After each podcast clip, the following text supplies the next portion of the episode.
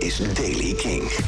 Een bewolkte dag vandaag. In het eh, noorden kan er vanmiddag ook wat motregen vallen. Het wordt zo'n 10 graden. Nieuws over Payshifters en de 1975 versus Youngblood. Dit is de Daily King van dinsdag 21 februari. Michiel Veenstra.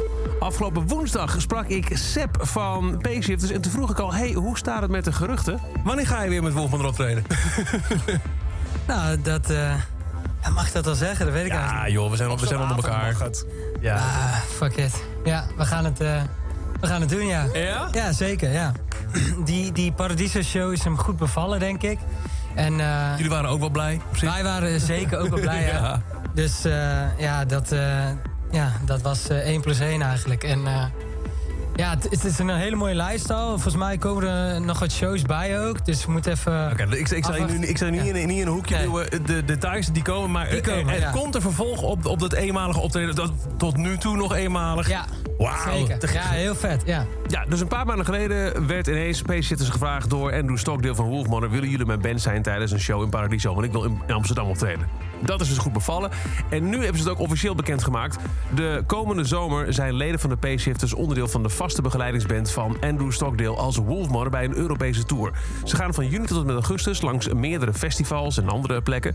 Eh, wel vervelend voor Seb, die je net hoort zelf, is dat hij waarschijnlijk niet mee kan. Althans, niet helemaal zeker. Want eh, hij gaat een restaurant openen. Er komt een pop-up restaurant, gaat zijn huis verbouwen. En hij wordt vader. Paul en Jesper doen sowieso de hele tour. Die dus eh Wolfmother en Payshifters weer herenigt.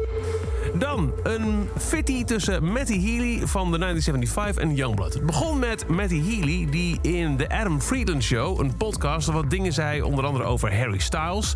Die eh, heeft een. eh, he gets a pass als het gaat over eh, dat hij aan queerbaiting mag doen. Maar waar het helemaal een beetje off the rails ging, was over een rapper uit New York, Ice Spice.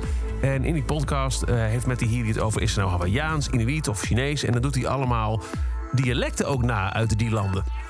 Youngblood, zonder die podcast met eh, naam te noemen, zegt op Twitter op een gegeven moment: Love listening to three privileged white dudes sit around and objectify a young black female artist who's blowing up. Welcome to your 30s, I guess.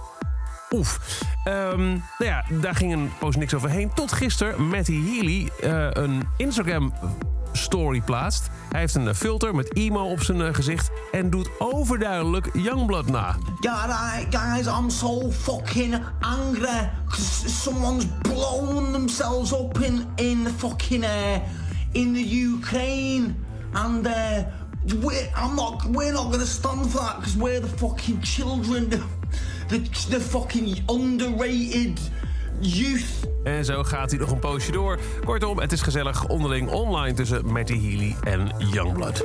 Tot zover deze editie van The Daily Kink. Elke dag een paar minuten bij met het laatste muzieknieuws en nieuwe releases. Niks missen? Abonneer je dan in de Kink-app op deze podcast. Dan krijg je elke ochtend bij het verschijnen van een nieuwe aflevering een melding op je telefoon. En voor meer muzieknieuws en nieuwe muziek... luister je s'avonds tussen 7 en 11 naar Kink in Touch. Elke dag het laatste muzieknieuws en de belangrijkste releases in de Daily Kink. Check hem op kink.nl of vraag om Daily Kink aan je smart speaker.